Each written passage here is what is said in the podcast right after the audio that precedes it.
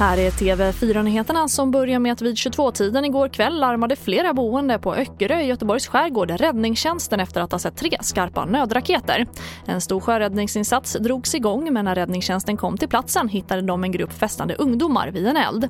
Ungdomarna erkände att det var de som avfyrat raketerna, var på räddningstjänsten släckte elden och avslutade insatsen.